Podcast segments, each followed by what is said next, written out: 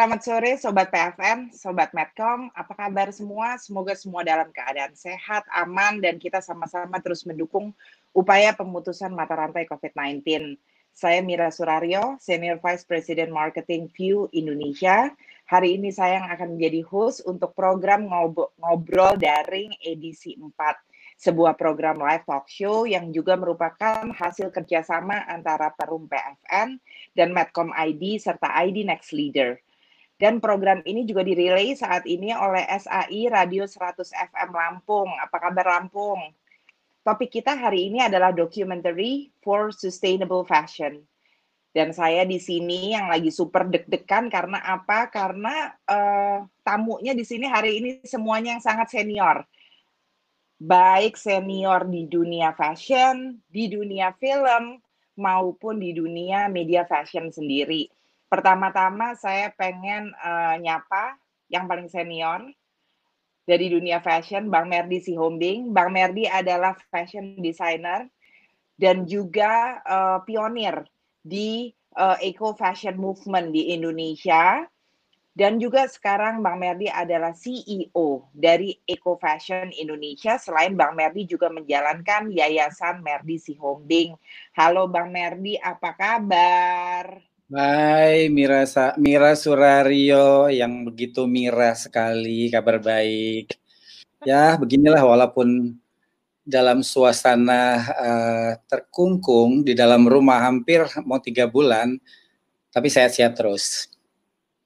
Bang Medi ini pecicilan uh, sobat PFN, sobat Medcom. Jadi yang aku tahu dia itu justru makin di rumah makin produktif. Makin gak tahu mau ngapain justru makin produktif. Itulah Bang Merdi. Lalu berikutnya aku pengen nyapa Mbak Ursula Tumiwa, seorang filmmaker yang nomaden. Dia juga produser, dia film director, dia saat ini menetap di Bangkok dan dia merupakan aktivis eco fashion juga. Apa kabar Mbak Ursula? Halo, sawadika. Langsung Salam dari keluar ya subtitle, subtitle bahasa Thai. Halo Gimana Mira. Bangkok?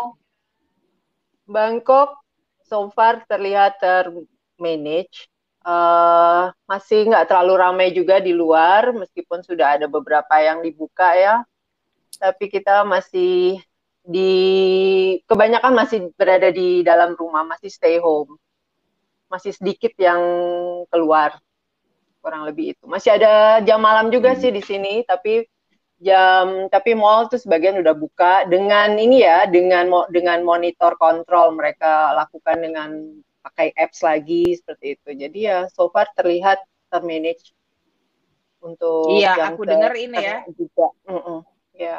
Aku dengar uh, apa tuh namanya selama ini kita lihat di film-film orang di barcode akhirnya uh, akan jadi kenyataan nih ya, orang akan di barcode. Iya, betul. Keren loh ya. dengan itu ya. Keren, keren, keren. Makanya filmmaker sih sebenarnya visioner semuanya uh, bisa melihat apa yang akan terjadi di masa depan.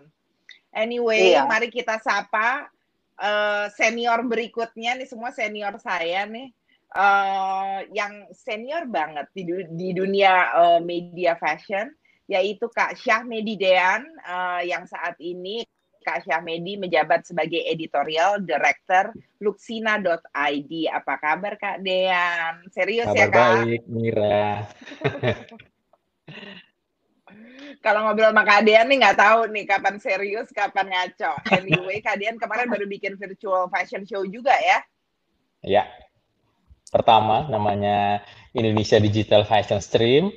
Uh, pertama kita trial, ternyata minatnya besar banget uh, dari 100 undangan yang datang 92 pakai dress code tapi di live really? kita yang nonton 9000 orang yes. Keren ya.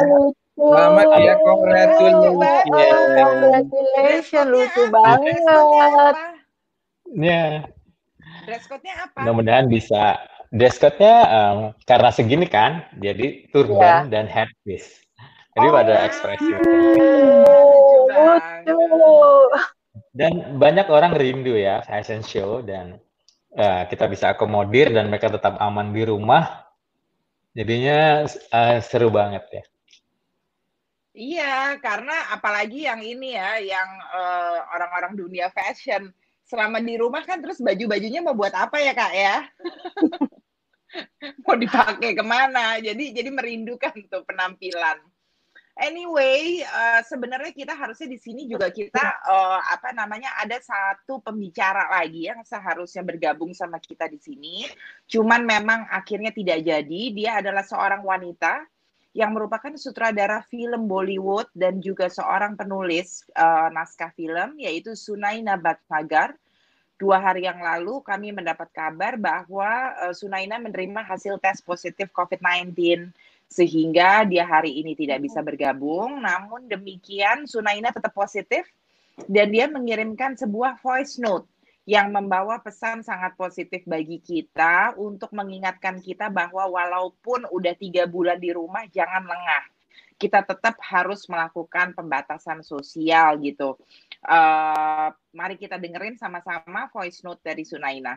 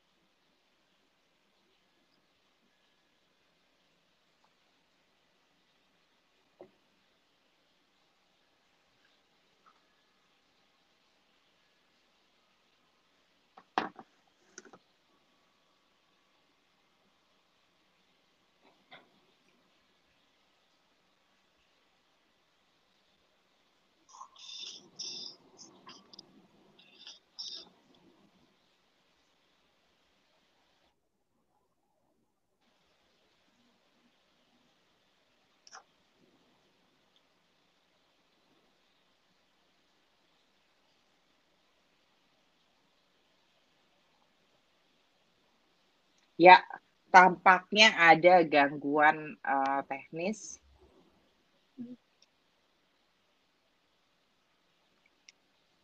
Mungkin nanti uh, bisa kita dengerin voice note dari Sunaina. Um, ya, jadi uh, yang tentunya kita uh, mendoakan wish you well Sunaina dan please keep positive. Uh, mungkin Sunaina nonton uh, di sana. Uh, dan melihat Sunaina yang merupakan seorang uh, filmmaker dari Bollywood jadi keingat bahwa uh, kita orang film ini adalah salah satu uh, apa namanya sektor yang terdampak pertama kali benar-benar pertama kali terdampak. Ada dua sektor sih sebenarnya yang langsung terdampak hari itu juga begitu diumumkan lockdown yaitu ada dua sektor uh, event organizing dan uh, uh, film sektor film yang paling kena dampaknya karena apa? Karena ini adalah dua sektor yang memang sangat um, ketergantungan terhadap uh, uh, physical hmm. physical activities gitu, physical uh, contact. Jadi nggak uh, boleh syuting itu uh, satu dampaknya memang pekerja film yang paling banyak terkena dampaknya apakah pekerja film dokumenter atau uh, pekerja film feature dan tapi efeknya ternyata ke mana-mana uh, bahkan sampai efeknya ke dunia fashion juga uh, ke kegiatan-kegiatan community development terutama yang untuk uh, kepentingan fashion dan kepentingan film itu sendiri juga gitu.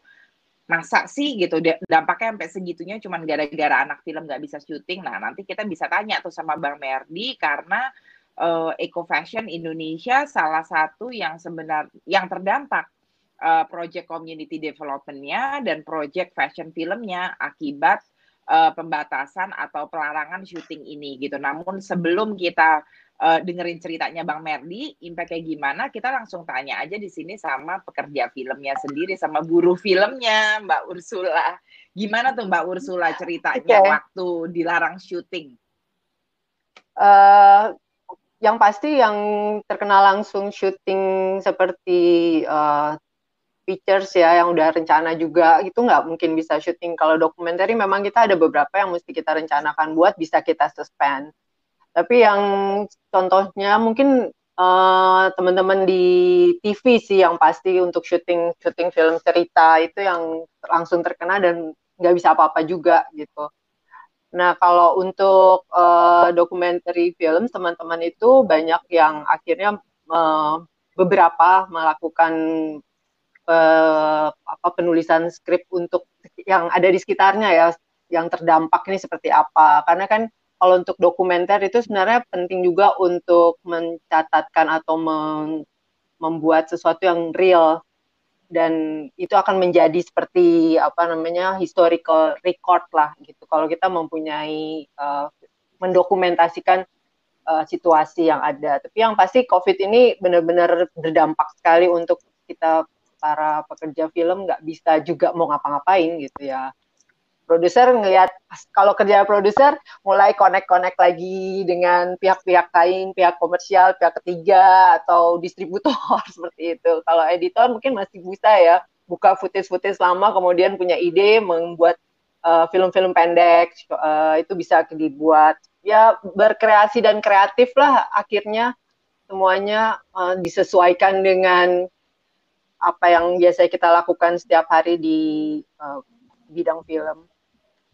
Ya, uh, tapi belum belum uh, dibuka nih, karena kalau Singapura, uh, Hong Kong dan Korea setelah tanggal 26 ini kan sudah dibuka lagi untuk uh, izin syuting. Bangkok malah belum?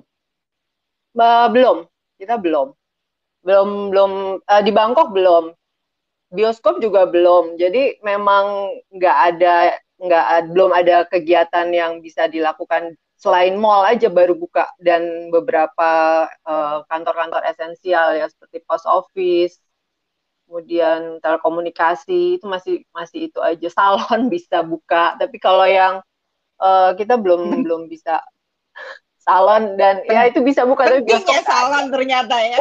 Penting banget. Iya, gitu ya, sih ya. kalau situasi di sini.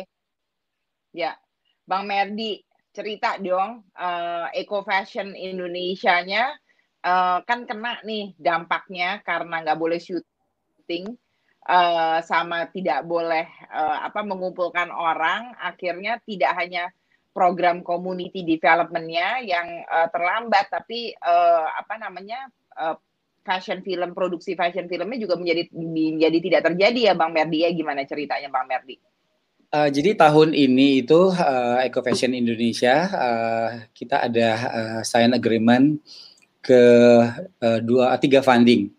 Satu itu dengan Pegadaian itu program CSR mereka di Alor di satu pulau atol ya pulau pulau, pulau atol itu tuh itu pulaunya sangat menyedihkan sekali karena paling ujung Indonesia bagian utara dan akses air akses ke sana sangat sangat uh, panjang dan uh, problem air bersih di sana juga agak agak susah ya, jadi minim sekali. Ya. Lalu ya. kemudian kita ada di Danau Toba, di uh, pinggir Danau Toba itu namanya Desa Silalahi, itu kita kerjasama dengan membantu CSR uh, dari Inalum. Yang tadi pegadaian ya, ini Inalum, uh, kita kerjasama dengan Dekranas uh, Dairy. Lalu kemudian ada dengan Badan Restorasi Gambut itu di lahan gambut di dua tempat itu di uh, Sumatera Selatan di uh, desa Geronggang, Pantai Geronggang, Kabupaten Ogan Komering Ilir. Lalu kemudian di Desa Asia Baru, Kabupaten Barito Kuala, Kalimantan Selatan. Nah itu uh, agak susah ya, karena karena di setiap uh, uh, apa namanya community develop ini kita tuh selalu membuat dokumentasi dalam bentuk video dan film film. Nah, uh, itu akhirnya semua dibatalkan. Tapi untungnya uh, untuk di uh, apa namanya di Pegadian di dengan CSR Pegadian di Alor itu kita sempat mengadakan community development. Setelah kita balik itu tanggal 10 sampai tanggal 15 kita eh, sampai 16 kita pulang ke Jakarta.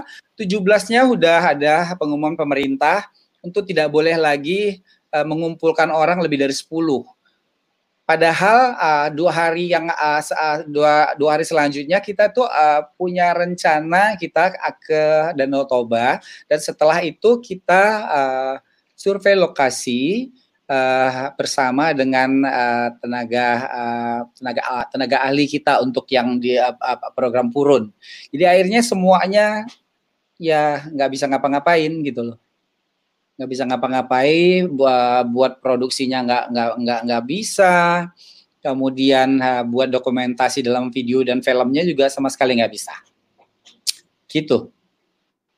Padahal uh, iya padahal kita masih ketemu tuh ya Bang ya. Terakhir kita ketemu di diary ya Bang ya. Di diary Betul. di diary masih baik-baik aja. Aku hmm. masih uh, masih bisa syuting. Waktu itu Abang juga masih bisa komdev ya waktu itu ya Ya. Itu ternyata berapa hari kemudian setelah dari diary itu ternyata ya udah nggak bisa diteruskan kita nggak bisa balik ya. lagi. Betul, gitu. kita dari diary kita langsung ke itu kan harus ngejar setoran tuh. Kita ke ke itu ya ke ke ke Alor karena rencana kan tanggal 3 itu uh, harusnya kan Eco Fashion Indonesia itu diundang untuk tampil untuk uh, present ke uh, koleksi yang terbarunya buat um, Melbourne Fashion Festival di Indigenous Fashion uh, Fashion uh, Festivalnya. Jadi hmm. tapi kita batalin karena uh, udah gonjang-ganjing di Australia itu udah duluan uh, kedapatan uh, COVID-nya, test COVID-nya. Yeah. Jadi kita nggak yeah. uh, nggak berani kita berangkat ke sana daripada sampai di sana nanti kita harus uh, di karantina 14 hari.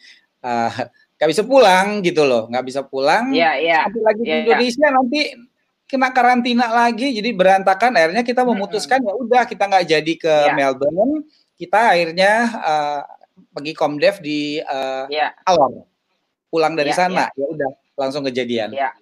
ya hmm. nah uh, tadi kan dengar nih abang uh, bilang bahwa semua kegiatan community developmentnya abang uh, karena abang kan memang memang uh, hampir semua ya hampir semua hasil produk kain dari uh, Merdisi Homing kan memang hasil uh, apa namanya uh, community development bahkan sebelum Betul. Bang Merdi akhirnya bersama teman-temannya mendirikan Eco Fashion Indonesia gitu. Nah, jadi udah 20 tahun perjalanan karirnya uh, Bang Merdi gitu bahkan sebelum kata-kata uh, fashion film itu marak di dunia fashion uh, dan dunia film uh, Bang Merdi ini yang aku tahu dari dulu semua uh, kegiatannya semua difilmin gitu kan, semua difilmin. Betul. Yang difilmin itu kalau kebanyakan desainer, terutama dulu-dulu yang difilmin itu adalah fashion show-nya. Kalau Bang iya. Merdi hmm. itu ya film fashionnya ada, fashion show-nya ada dokumentasinya.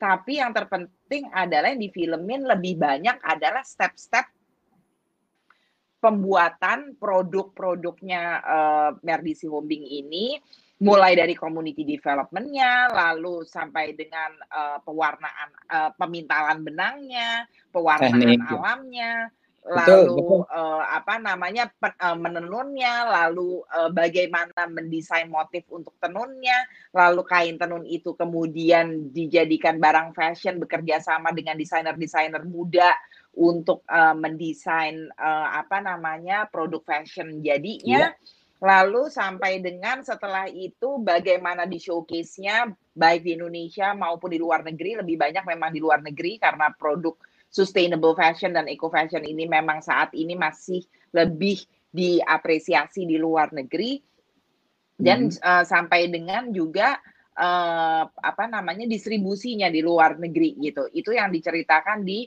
dokumentasi fashion film dari Mercy Sihombing dan sekarang Eco Fashion Indonesia ini. Kenapa sih Bang dari dulu udah kepikiran gitu loh bahwa uh, apa namanya bukan fashion show-nya aja atau pemotretannya aja yang difilmin tapi behind the scene-nya gitu difilmin semua. Kenapa itu jadi penting banget gitu buat Abang udah sejak 20 tahun yang lalu? Karena gini ya, uh, ketika kan jadi ceritanya setelah jadi fashion designer itu saya ngelihat ini ada satu peluang untuk mengangkat fashion yang berbasis budaya ya, basis budaya. Di dalam budaya itu kan kita ada cerita sejarahnya, kemudian melibatkan lingkungan apa segala dan ketepatan. Saya suka traveling gitu loh. Jadi uh, ketika mencari-cari referensi itu susah banget ya, susah banget dan itu rata-rata tuh bukunya juga buku uh, bukunya pakai teks bahasa Inggris dan uh, cari di di di apa perpustakaan nggak ada. Zaman itu belum kayak sekarang ya, teknologi itu sangat gampang ya. Lalu kemudian juga uh, saya uh, punya prinsip itu uh, tiga tiga huruf ATM itu kreatif itu kreatif itu adalah ATM nanti akhirnya ya.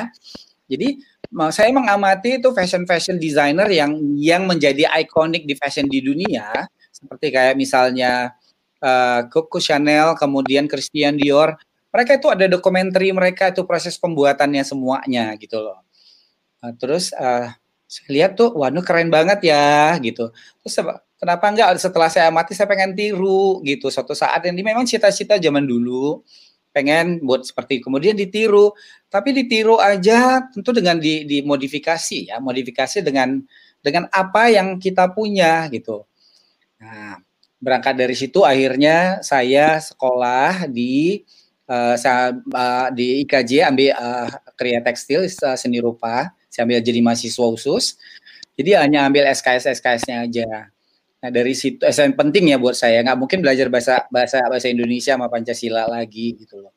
Nah kemudian uh, satu kali uh, kita bersama teman-teman ada program uh, pulang ke kampung. Uh, kita bareng-bareng dengan Pak Don Hasman. Lalu di situ ada beberapa teman-teman dari uh, jurusan yang berbeda, ada jurusan dari uh, uh, film dan fotografi dan film tuh ada Erik Juragan kita sama-sama kampus. Kemudian ada beberapa itu Timur Angin apa segala kita ke Baduy. Kemudian dari situ awalnya kemudian uh, ke, keluarlah kecintaan saya untuk uh, melakukan sesuatu dokumentasi. Jadi nggak gimana ya nggak nggak se nggak nggak langsung dapet uh, uh, teman-teman ini semua by proses nah dari situlah mulai semua apa yang saya lakukan itu saya dokumentasi itu di waktu itu kita dari tahun 2001 bayanginnya 2001 sampai sekarang kita uh, kita yeah, tetap yeah. melakukan uh, dokumentasi yeah. dokumentasinya dalam bentuk uh, film kemudian foto makanya uh, dari situ kemudian uh, saya bisa buat bukunya semua waktu itu buku itu yeah, uh, yeah. diterbitkan uh, waktu itu dijualnya di uh, Periplus dan itu buku pertama bahasa Indonesia ya, buku, buku bahasa Indonesia itu perjalanan perjalanan tenun. Ya. Uh, lalu kemudian mulailah film-film pendek karena saya berteman dengan uh, sinias-sinias muda waktu itu. Sekarang mereka tuh udah udah udah udah udah terkenal. Nah dari situ mulai terus yang iya. ngelibatkan yeah. karena waktu itu saya kan udah tua gitu terus balik ke kampus Terus, uh, aduh gimana caranya supaya itu bisa cari duit, tapi juga uh, bisa uh, semua bisa terlampaui, bisa dikerjakan. Nah, saya karyakan tuh teman-teman anak muda itu yang satu kampus untuk ngebuat yeah, karya yeah. saya. Ada dari yeah. uh, semuanya dari desain komunikasi visual, dari jurusan uh, desain, kemudian yeah. dari tekstil, dari fotografer, jadilah ini timnya gitu. Iya, jadi jadi bang ya, jadi ternyata uh, abang dari dulu udah uh, mendokumentasikan dalam bentuk film uh, apa namanya proses pembuatan sebuah produk uh, fashion Betul. dari A sampai Z ternyata uh, 20 tahun kemudian 15 sampai 20 tahun kemudian ternyata uh, fashion film ini menjadi salah satu cara yang signifikan untuk menjual produk-produk sustainable fashion betul, uh, ke depannya ya kan? Karena produk sustainable fashion itu adalah sebuah produk yang nggak bisa dijual uh, tanpa storytelling tanpa cerita di belakangnya. Nggak seperti fast betul. fashion yang bisa dijual langsung begitu aja. Orang uh, bisa menghargai uh, melihat sebuah produk uh, apa namanya sustainable fashion ini bukan melihatnya dari harganya tapi dia menghargai dari nilai dari barang itu ben uh, uh, benar nggak sih begitu kadean Halo, Tadi, yes. Benar nggak sih ya. gitu? Iya, benar. Halo. Mm -mm. Benar nggak sih begitu keadaan gitu bahwa barang sustainable fashion ini bukan sesuatu yang dihargai orang dari harganya, tetapi dihargai orang dari nilai yang dibawa oleh produk tersebut. Makanya dia harus didampingi terutama dengan fashion film uh, ketika untuk uh, menjualnya. Benar nggak sih?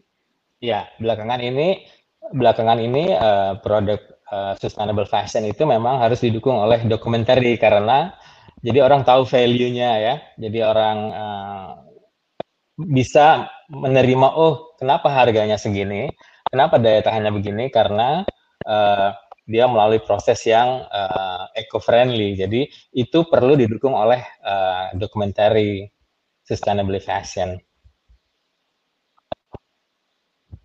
Ya, ya. Dari dari um, apa namanya dari filmmakernya sendiri gitu, uh, Mbak Ursula. Uh, menurut Mbak Ursula ini seberapa pentingnya sih gitu uh, dokumenter untuk di fashion industry ini gitu? Apakah filmmakernya hmm. sendiri sebenarnya juga tertarik nggak sih atau dan dan satu visi gitu melihat bahwa uh, ini adalah cara yang uh, tepat untuk mensosialisasikan karena sustainable fashion kan bukan it's not about just about the fashion but it's about uh, the sustainability of the environment uh, kesejahteraan manusia perekonomian dan lain-lain gitu kan. Gimana Mbak Ursula sebagai filmmakernya uh, penting banget karena yang pasti film dokumenter itu tell the truth.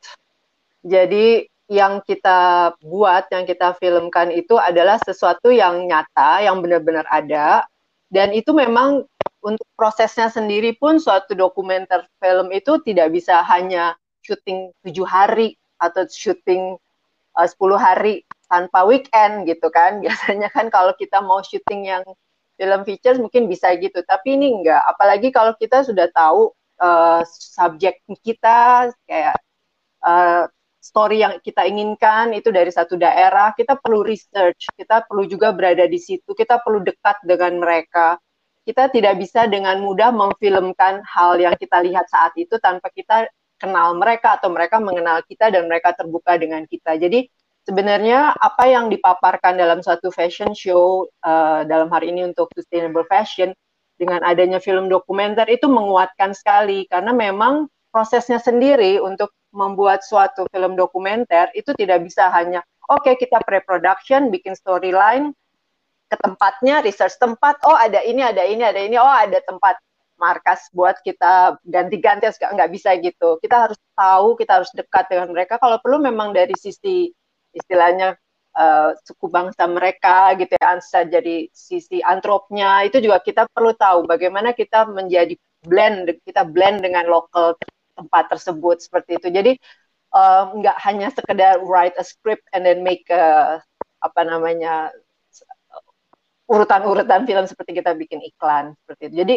uh, dokumenter itu kuat karena dia selalu tell the truth dan prosesnya itu suatu proses yang panjang yang sangat memerlukan research pada saat kita ingin memproduksi dan setelah itu pun uh, dalam persoalan postnya, dalam soal editingnya juga kita juga perlu tahu hal yang menarik. Jadi bukan sesuatu misalnya, oh kita mendokumentasikan uh, pewarnaan, terus hanya instruksinya saja gitu tanpa hal yang menarik. Itu sebenarnya juga dibutuhkan skill yang yang apa yang baik untuk bisa mengedit satu uh, dokumen dokumentasi atau dokumenter film ini dan juga untuk sisi legal dan copyright isunya jadi apakah uh, kita mendapatkan izin dari sumber-sumber yang yang pernah kita ambil atau kita shoot di lokasi tersebut gitu. Jadi memang dokumenter film itu sangat mendukung dan kuat untuk bisa dijadikan background atau latar cerita untuk memaparkan narasi-narasi dari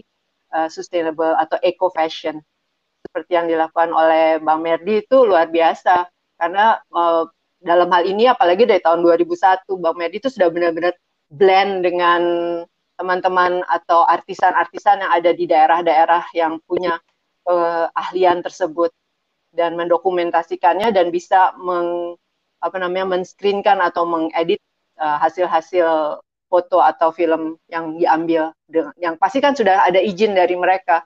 Jadi memang itu keren banget bang. Gitu Kalau kalau Mbak Mbak Ursula sendiri udah udah sempat uh, produksi uh, fashion film belum sih Mbak?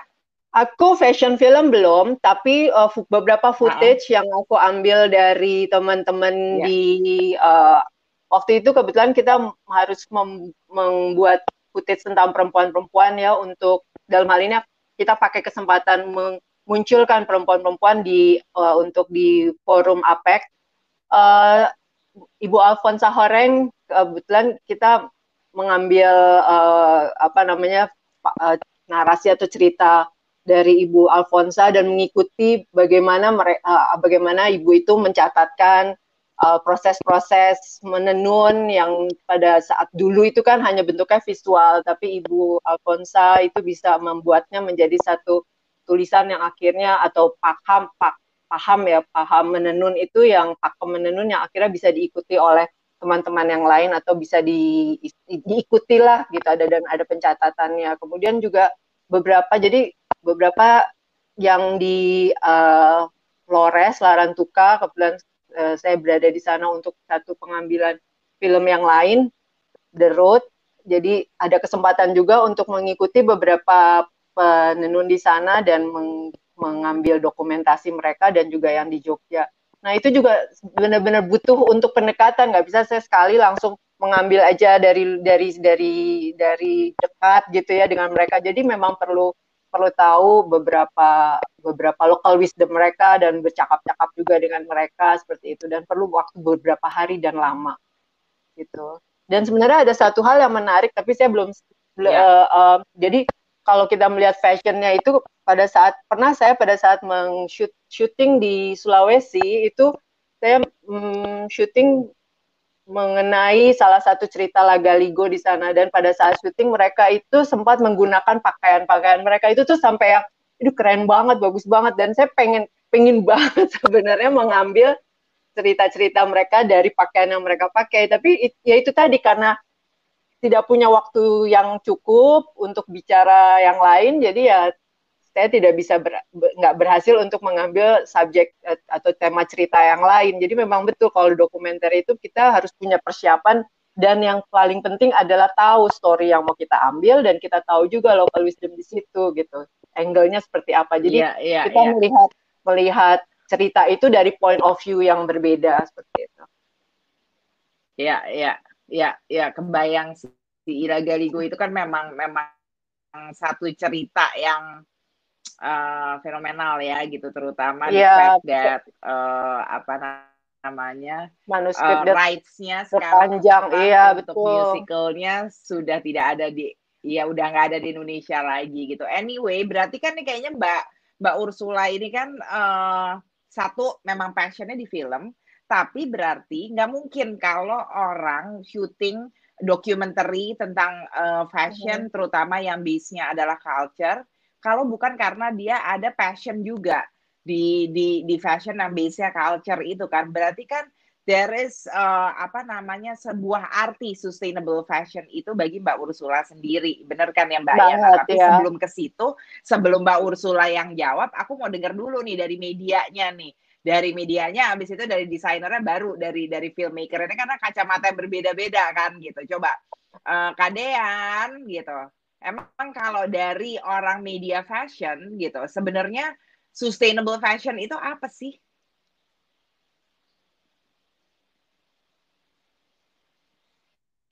Kakak, Kak Dian tampaknya ada gangguan koneksi. Itu isu menarik orang banyak baca ya, satu yang hal yang hmm. orang pengen tahu karena dalam di industri fashion ini uh, berperan terhadap 20% uh, wastewater di di dunia ya. Yeah. Jadi uh, uh, segala isu tentang uh, sustainable fashion itu dari dari web kami itu banyak yang baca. Jadi orang pengen banyak tahu gitu.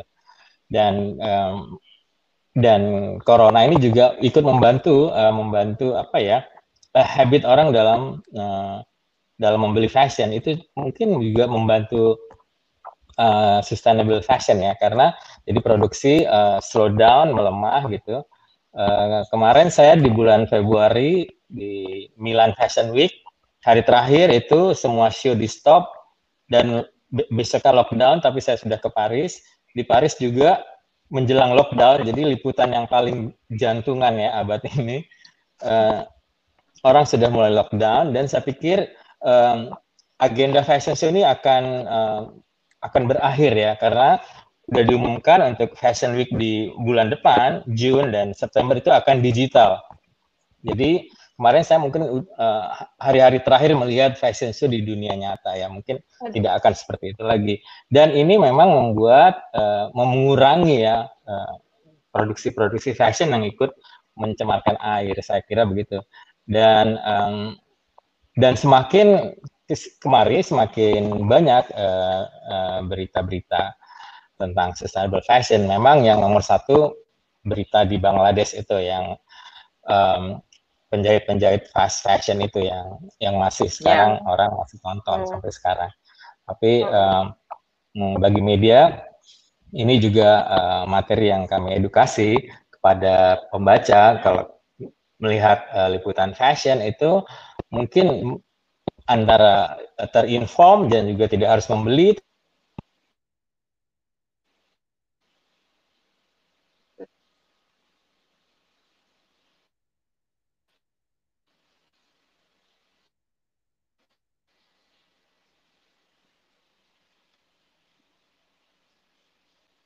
Ya, kayaknya keadaan koneksinya terputus. Um, itu dari dari dari sisi kacamata media tadi kan, betapa pentingnya uh, sustainable fashion ini terhadap uh, terutama adalah kelestarian lingkungan, ya kan? Ya, betul.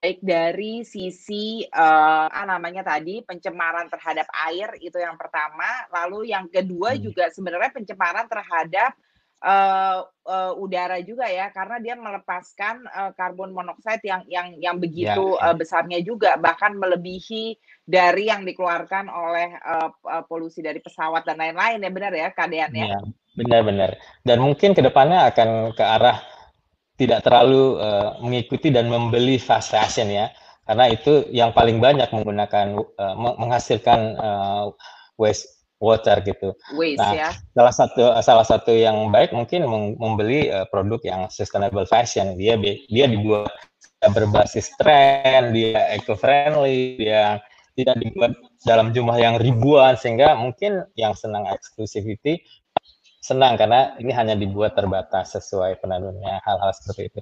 Dan ini juga akan selalu kita kibarkan di media.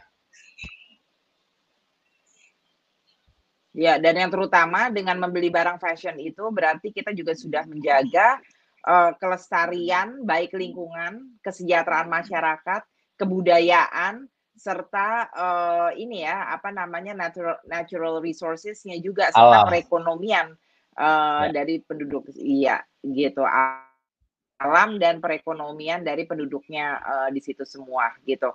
Nah, uh, indah banget memang sebenarnya kalau kalau betapa uh, kita semua mengerti apa arti sustainable fashion itu gitu. Nah, makanya itulah kenapa harus diceritakan melalui film biar lihat cerita di ya. baliknya yeah. ini semua. Karena nggak mungkin kan setiap jualan kita kita sambil speech. Gitu. Nah bang Merdi gimana nih? Bang Merdi seorang desainer yang juga dikenal sebagai pionir untuk uh, eco fashion slash sustainable fashion movement di Indonesia. Yang bahkan bang Merdi udah melakukan ini menggunakan pewarnaan alam menjadi pembicara di berbagai kesempatan uh, terutama di luar negeri uh, yang mendukung gerakan sustainable fashion ini gitu apa sih sebenarnya dari kacamata Bang Merdi melihatnya gimana? What is sustainable fashion? Sustainable fashion itu uh, uh, sebelumnya orang tahu itu eco fashion ya. Itu sebenarnya sama. Kemudian ada juga ethical fashion dan semua itu uh, disebut dengan slow fashion. Jadi itu bagian dari desain filosofi yang berkembang dengan tujuan menciptakan sistem yang mampu mensupport dan menjag, menyanggah dampak manusia terhadap uh, lingkungan. Tadi kayak macam itu mengotorin lingkungan air bersih. Karena menurut uh, salah satu poin dari SDGs Sustainable Development Goals itu adalah dunia ini krisis air bersih. Kemudian ada kesetaraan gender ya empowering women. Dan kemudian masih ada beberapa poin-poinnya. Tapi tidak hanya terbatas tidak terfokus kepada lingkungan aja juga uh, kita harus uh, mengedukasi uh, konsumen ini uh, terhadap bahan-bahan yang digunakannya. Jadi bahan-bahan itu harus benar-benar apa ya uh, membuat pemakai atau konsumennya itu uh, harus mengutamakan faktor kesehatan dan juga tadi kembali yang uh, daya tahan pakaian tersebut. Jadi benar-benar kita uh, uh, boleh dikatakan harus uh, uh, menghargai proses pembuatan. Dan uh, semuanya dan kemudian bagaimana menghargai uh, sisi kemanusiaan. Uh, banyak tuh kayak tadi Adean bilang itu uh, mulai naik namanya sustainable fashion uh, dengan gerakan fashion revolution. Ketika hancurnya Rana Plaza uh, bangunan yang dipenuhi oleh uh, para pekerja uh, para pekerja untuk membuat produk-produk fast fashion. Dan ternyata fast itu ya fast fashion. Dan ternyata itu mereka itu uh, tidak mengenal waktu jam kerja yang yang yang tidak yang yang pokoknya hitungannya nggak jelas. Kemudian banyak buruh anak-anak. Lalu kemudian tempatnya juga sangat tidak manusiawi.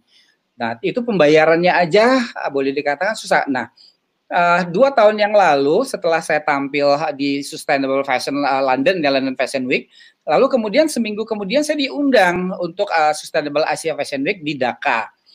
Nah itu desainer-desainer Asia yang memang uh, mewakili uh, Sustainable Fashion itu kita benar-benar uh, apa ya kumpul jadi satu dan ngebahas isu tersebut. Nah, kita uh, jadi kita ngelihat memang aduh sedih banget ya uh, para pekerja-pekerja uh, fashion yang ada di di Dhaka tersebut. Ya. Dan itu bukan hanya di situ aja ketika di Pakistan dan kemudian di India tuh sama aja gitu loh. Ya Indonesia sih sebenarnya masih mending daripada mereka. Nah, karena fast fashion ini kan sangat uh, konvensional ya, ya memerlukan ya, ya. banyak sekali sumber daya manusia, sumber dayanya, kemudian menghasilkan limbah berbahaya, eh, mengotorin air, lingkungan seperti tadi Mira bilang gitu loh. Nah, ini kan polusi udara polusi udara. Terus untuk menggunakan apa membuat satu t-shirt berapa banyak liter air yang kita gunakan gitu. Belum lagi penggunaan chemical. Nah, ketika ketika uh, kami di lapangan kami menemukan itu awal-awal ya, awal-awal kami mengkampanyekan bagaimana uh, uh, using the natural dye itu tahun berapa 1900 itu kita kita pergi ke uh, apa namanya uh, ke Kalimantan Kalimantan itu masih ingat tuh uh, ke Kutai Kartanegara itu Ulap Doyo ya. Orang tuh nggak tahu Ulap Doyo tuh dipikir dulu waktu itu Kutai Kartanegara. Padahal itu di Kutai Barat. Jadi kita tuh pakai uh, pakai uh, kapal air, taksi air tuh. Taksi air itu dari dari Kutai Kartanegara. Jadi di situ ternyata gila ulap doyonya di, di, di itu kan uh, di apa dicelup pakai pewarna kimia dan sementara itu daerahnya itu itu semuanya itu rawa-rawa semuanya. Kebayang nggak sih gitu loh. Terus kemudian belum lagi yang di di, di tanah Batak uh, pekerja-pekerja ulos itu. Mereka cuci cuci apa nih cuci benangnya pakai chemical itu ya buangnya tuh ke ke, ke, ke itu ke, ke ke apa ke got di depan rumah mereka. Dan itu udah jadi industri loh. Nah, hal-hal begini ini yang akhirnya uh, manusia uh, perlu tahu dan uh, iya buat kami juga ini perlu didokumentasikan semuanya. Jadi karena di lapangan dan di ya, Baduy ya. sendiri juga begitu. Di Baduy luar itu yang mereka ma, apa, apa menenun menenun uh, kain-kain tenun di, di Baduy itu mereka tuh pakainya pakai uh, uh, chemical semuanya. Tuh jadi hal-hal ini yang membuat kita ya, juga ya, ya. Uh, tertantang untuk men, men, apa uh, apa memberitahu kepada pada Indonesia khususnya ini loh uh, kondisi yang ada di lapangan. Kepa Dan ya. ketika ya. kami, kami tanya kepada pengrajin mereka tuh taunya yeah, pewarna yeah. kimia itu oh ini pewarna kimia uh, perindustrian oh ini benang dulunya kita kan produksi benang nanam kapas ya kapas kecil kapas letik namanya ya kapas itu untuk dipintal sendiri tuh rata-rata penenun gitu hmm. tapi kemudian pemerintah dengan alasan industrialisasi yeah. mereka itu mengganti dengan benang-benangnya dari pabrikan dari importir begitu juga dengan pewarna kimia. Akhirnya iya. pewarna alam itu waktu tahun 1900 itu sudah lupa di beberapa tempat. Hanya di beberapa daerah tuh yang di uh, eh, NTT lah masih masih uh, apa ya masih mereka itu uh, mewarisin uh, budaya leluhur mereka pewarnaan alam. Rata-rata di Indonesia itu semua sudah hilang. Itu. Ya, ya, Bang, tunggu dulu, Bang. Hmm.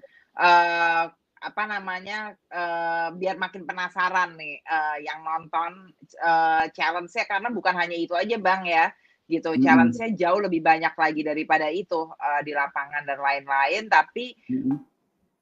uh, pengen balik lagi nih ke Mbak Ursula jadi setelah uh, dengerin uh, apa arti sustainable fashion di mata uh, apa namanya jurnalis lalu apa di mata desainernya sendiri sebenarnya sama nggak sih itu yang ada di kepala Mbak Ursula sehingga Mbak Ursula jadi jadi tertarik gitu untuk terjun ke uh, apa mendokumentasikan uh, fashion Indonesia ini gitu. Uh, ya ya banget. Banget karena selain kalau kita juga ngelihat kalau dari filmmaker ngelihat keragamannya itu udah ngiler gitu. Banyak story-nya juga banyak. Kemudian keragaman dari cara membuatnya dan dari dari bahkan dari natural uh, apa namanya dari dari pewarna alam itu bisa menghasilkan warna yang nggak terduga gitu kan. Seperti alpukat hijau atau jadi pink. Misalnya ini yang sangat mendasar. Pasti uh, para uh, pelaku apa namanya seperti Bang Mary lebih banyak tahu lagi dari apa bahan-bahan alam yang bisa digunakan untuk film uh, untuk uh, tekstil untuk pewarnaan tekstil. Jadi kalau dari teman-teman film filmmaker itu membuat membuat fashion film dengan tema eco itu sebenarnya menarik sekali.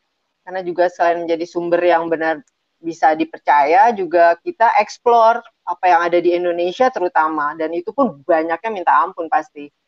Dari yang ujung-ujung yang kita nggak ya, mungkin yeah, yeah, capai ya itu bisa dilakukan dengan film jadi menghantarkan para audiens itu para maksudnya eh, orang-orang bisa melihat dari ujung sebelah mana hasil yang dimiliki oleh daerah tersebut gitu. Explore.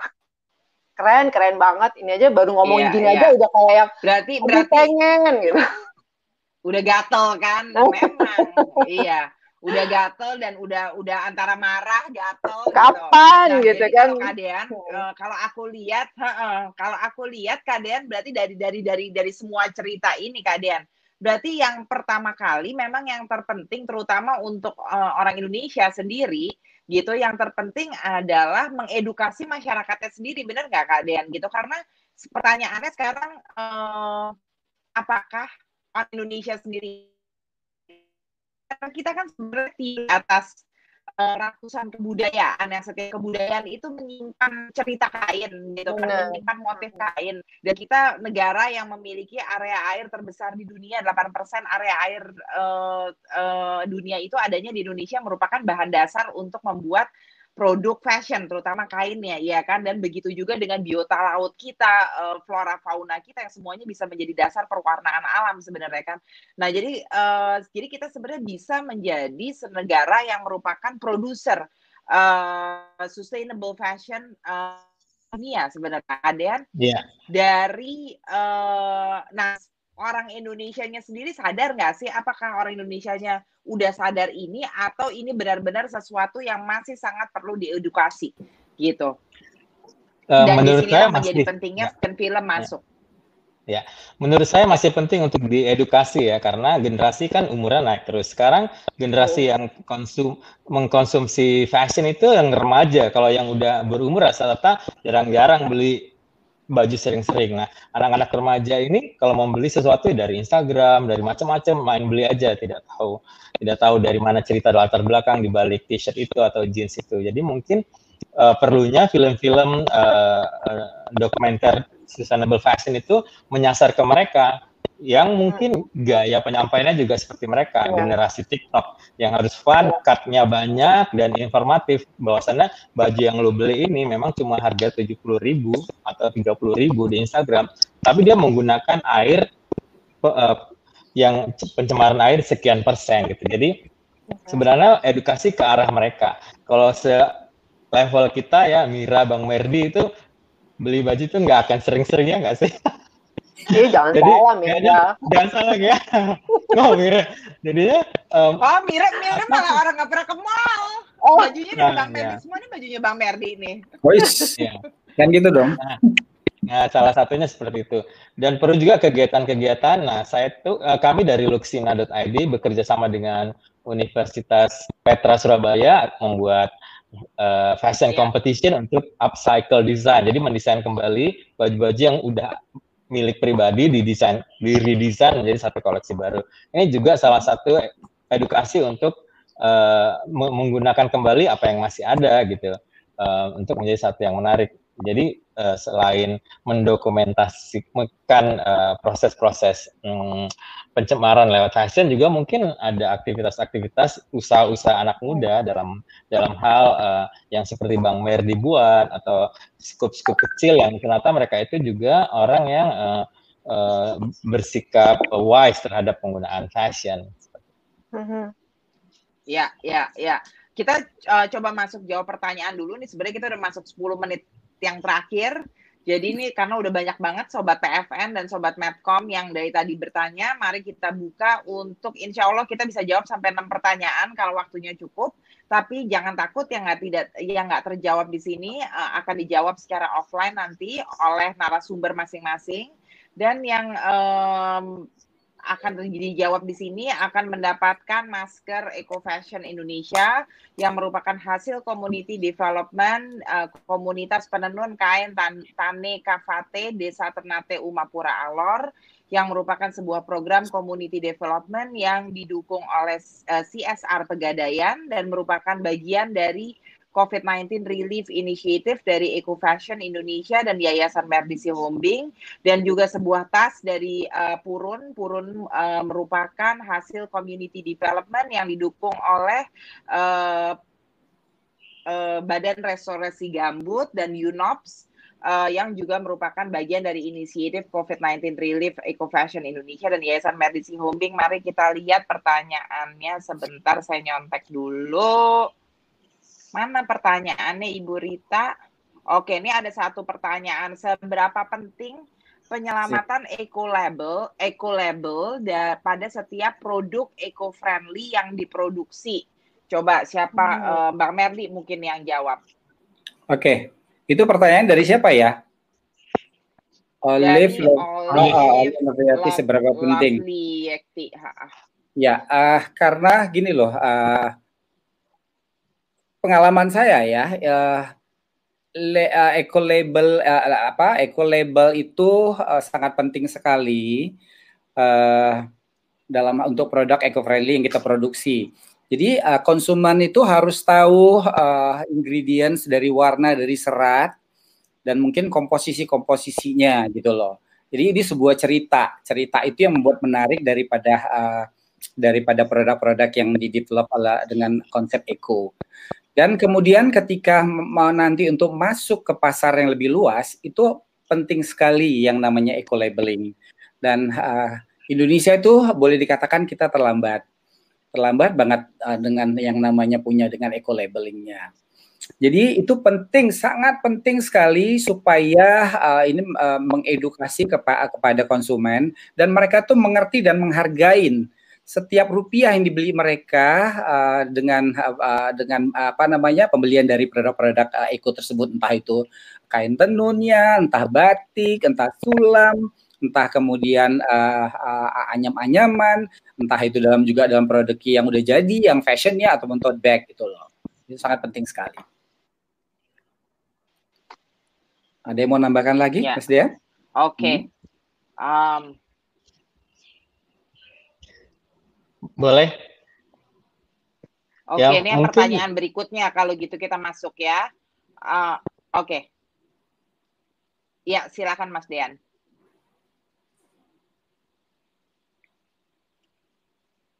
Kak Dean, jadi mau nambahin?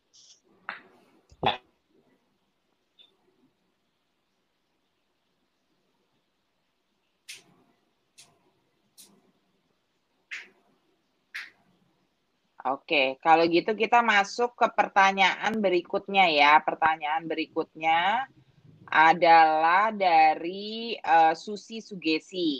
Pertanyaannya, Bang Medi keren, boleh nanya ya, bahan baku fashion dari serat apa aja bang yang udah digunakan yang paling nyaman dan gak ribet prosesnya dipakai uh, sebagai uh, apa produk fashion serta dari tanaman apa sukses ya bang uh, ayo Uh, kami itu bermain dengan uh, bermacam-macam serat alam ya, jadi dengan kapas, kemudian dengan uh, span silk ya, silk juga. Lalu uh, dari tahun dua tuh ya 2006 kami itu uh, kerjasama atau kami ditunjuk sebagai uh, desainer di Asia untuk mendevelop the new age fiber atau serat masa depan yang tidak mengandung toksin. Jadi 2008 itu mereka tuh melaunching produk mereka itu Tencel atau serat serat lyocell yang dinamakan dengan micro Tencel. Uh, tagline mereka adalah sustainable for the future dan pada tahun itu uh, kami mengkawinkannya dengan pengembangan kain tenun ulos. Jadi kami uh, menggunakan itu. Dan ini kain uh, serat ini yang menurut kami itu uh, asik banget dikerjakan karena uh, nyaman sekali. Biasanya serat ini digunakan untuk uh, pakaian dalam anak-anak. Kemudian itu untuk uh, kayak spray, piyama, uh, apa ya hordeng di rumah sakit di ruang operasi karena dia tidak mengandung tosin.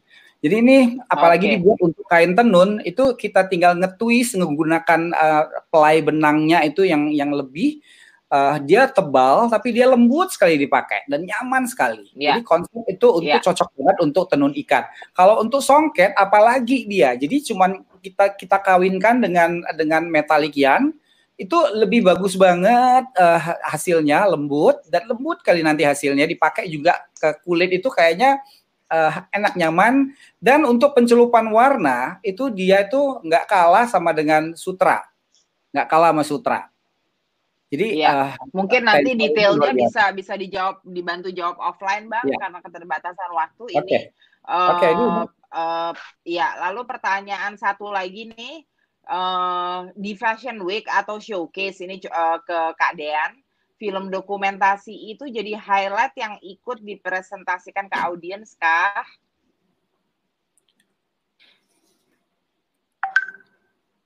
Hilang.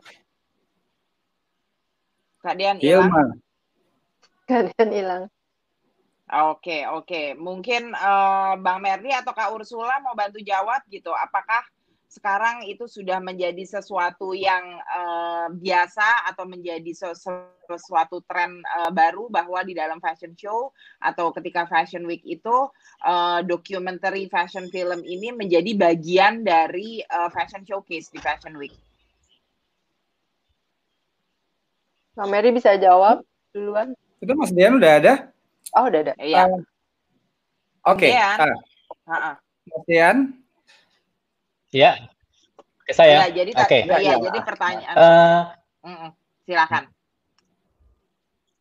Ya, um, ini satu, satu satu hal yang uh, sudah mulai dilakukan di beberapa fashion week itu ada sedikit informasi tentang uh, uh, proses di balik uh, produknya. Jadi, uh, tapi biasanya karena fashion show itu waktunya tidak panjang, filmnya sangat pendek. Jadi mungkin orang lebih tertarik visualnya daripada audionya. Seperti itu. Saya tambahi ya, karena ternyata yeah. uh, ada ada event uh, khusus untuk film fashion di uh, beberapa event-event fashion week yang uh, besar di dunia seperti ada Milan Fashion Festival, kemudian London Fashion Film Festival, jadi memang mereka ada agenda sendiri ya. untuk uh, film fashion. Ya. Berarti memang ya. uh, untuk uh, industri fashionnya sendiri, terutama industri fashion internasional sudah sangat menyadari bahwa uh, sustainable fashion, produk sustainable fashion ini uh, bukan merupakan suatu produk aja ya, tapi lebih merupakan suatu kampanye, suatu gerakan yang memang menjadi uh, apa namanya harus disadari oleh kita semua secara bersama-sama bukan yang hanya bergerak di dunia fashionnya sendiri tetapi juga konsumennya sendiri gitu. Jadi ini menjadi sebuah kampanye yang memang uh, mari sama-sama kita lakukan untuk menyelamatkan bumi ini istilahnya seperti itu ya. Nah uh, kita tutup uh, kita yeah. udah hampir di penghujung uh, waktunya nih. Uh, terakhir aja uh, dari bertiga kita mulai dari Mbak Ursula dulu. Mbak Ursula selama ini masing-masing uh, jawabnya uh, 30 second aja ya. Uh, dari Mbak Ursula sebenarnya challenge yang terbesar selama ini ketika berusaha mendokumentasikan uh, uh, apa namanya fashion Indonesia ini apa sih Mbak Ursula? Uh, selalu lokasi ya kalau di Indonesia lokasinya challenge jadi uh, bagaimana kita mencapainya itu challenge.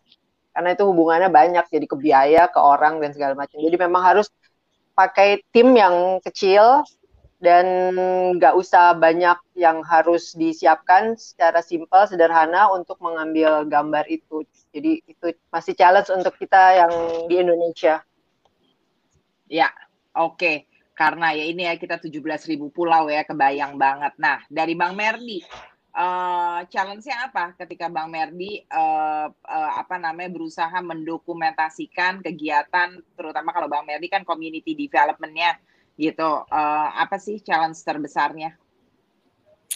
Uh, paling ketika kita tinggal uh, bersama mereka. Merdi atau saya? Living designer kita. Jadi uh, kita mencari momen-momen yang penting aja buat mereka untuk bisa uh, ngedirect mereka. Uh, so far sih uh, cuman itu aja. Ya. Uh, kalau dari Kadean gitu, uh, apa challenge yang terbesar ketika uh, sebagai media uh, akan menayangkan hasil dari doku, uh, dari documentary fashion film ini gitu. Gimana sih cara mempropos ini ke ke ke apa namanya ke pembaca atau audiens yeah. dari dari dari uh, media fashion?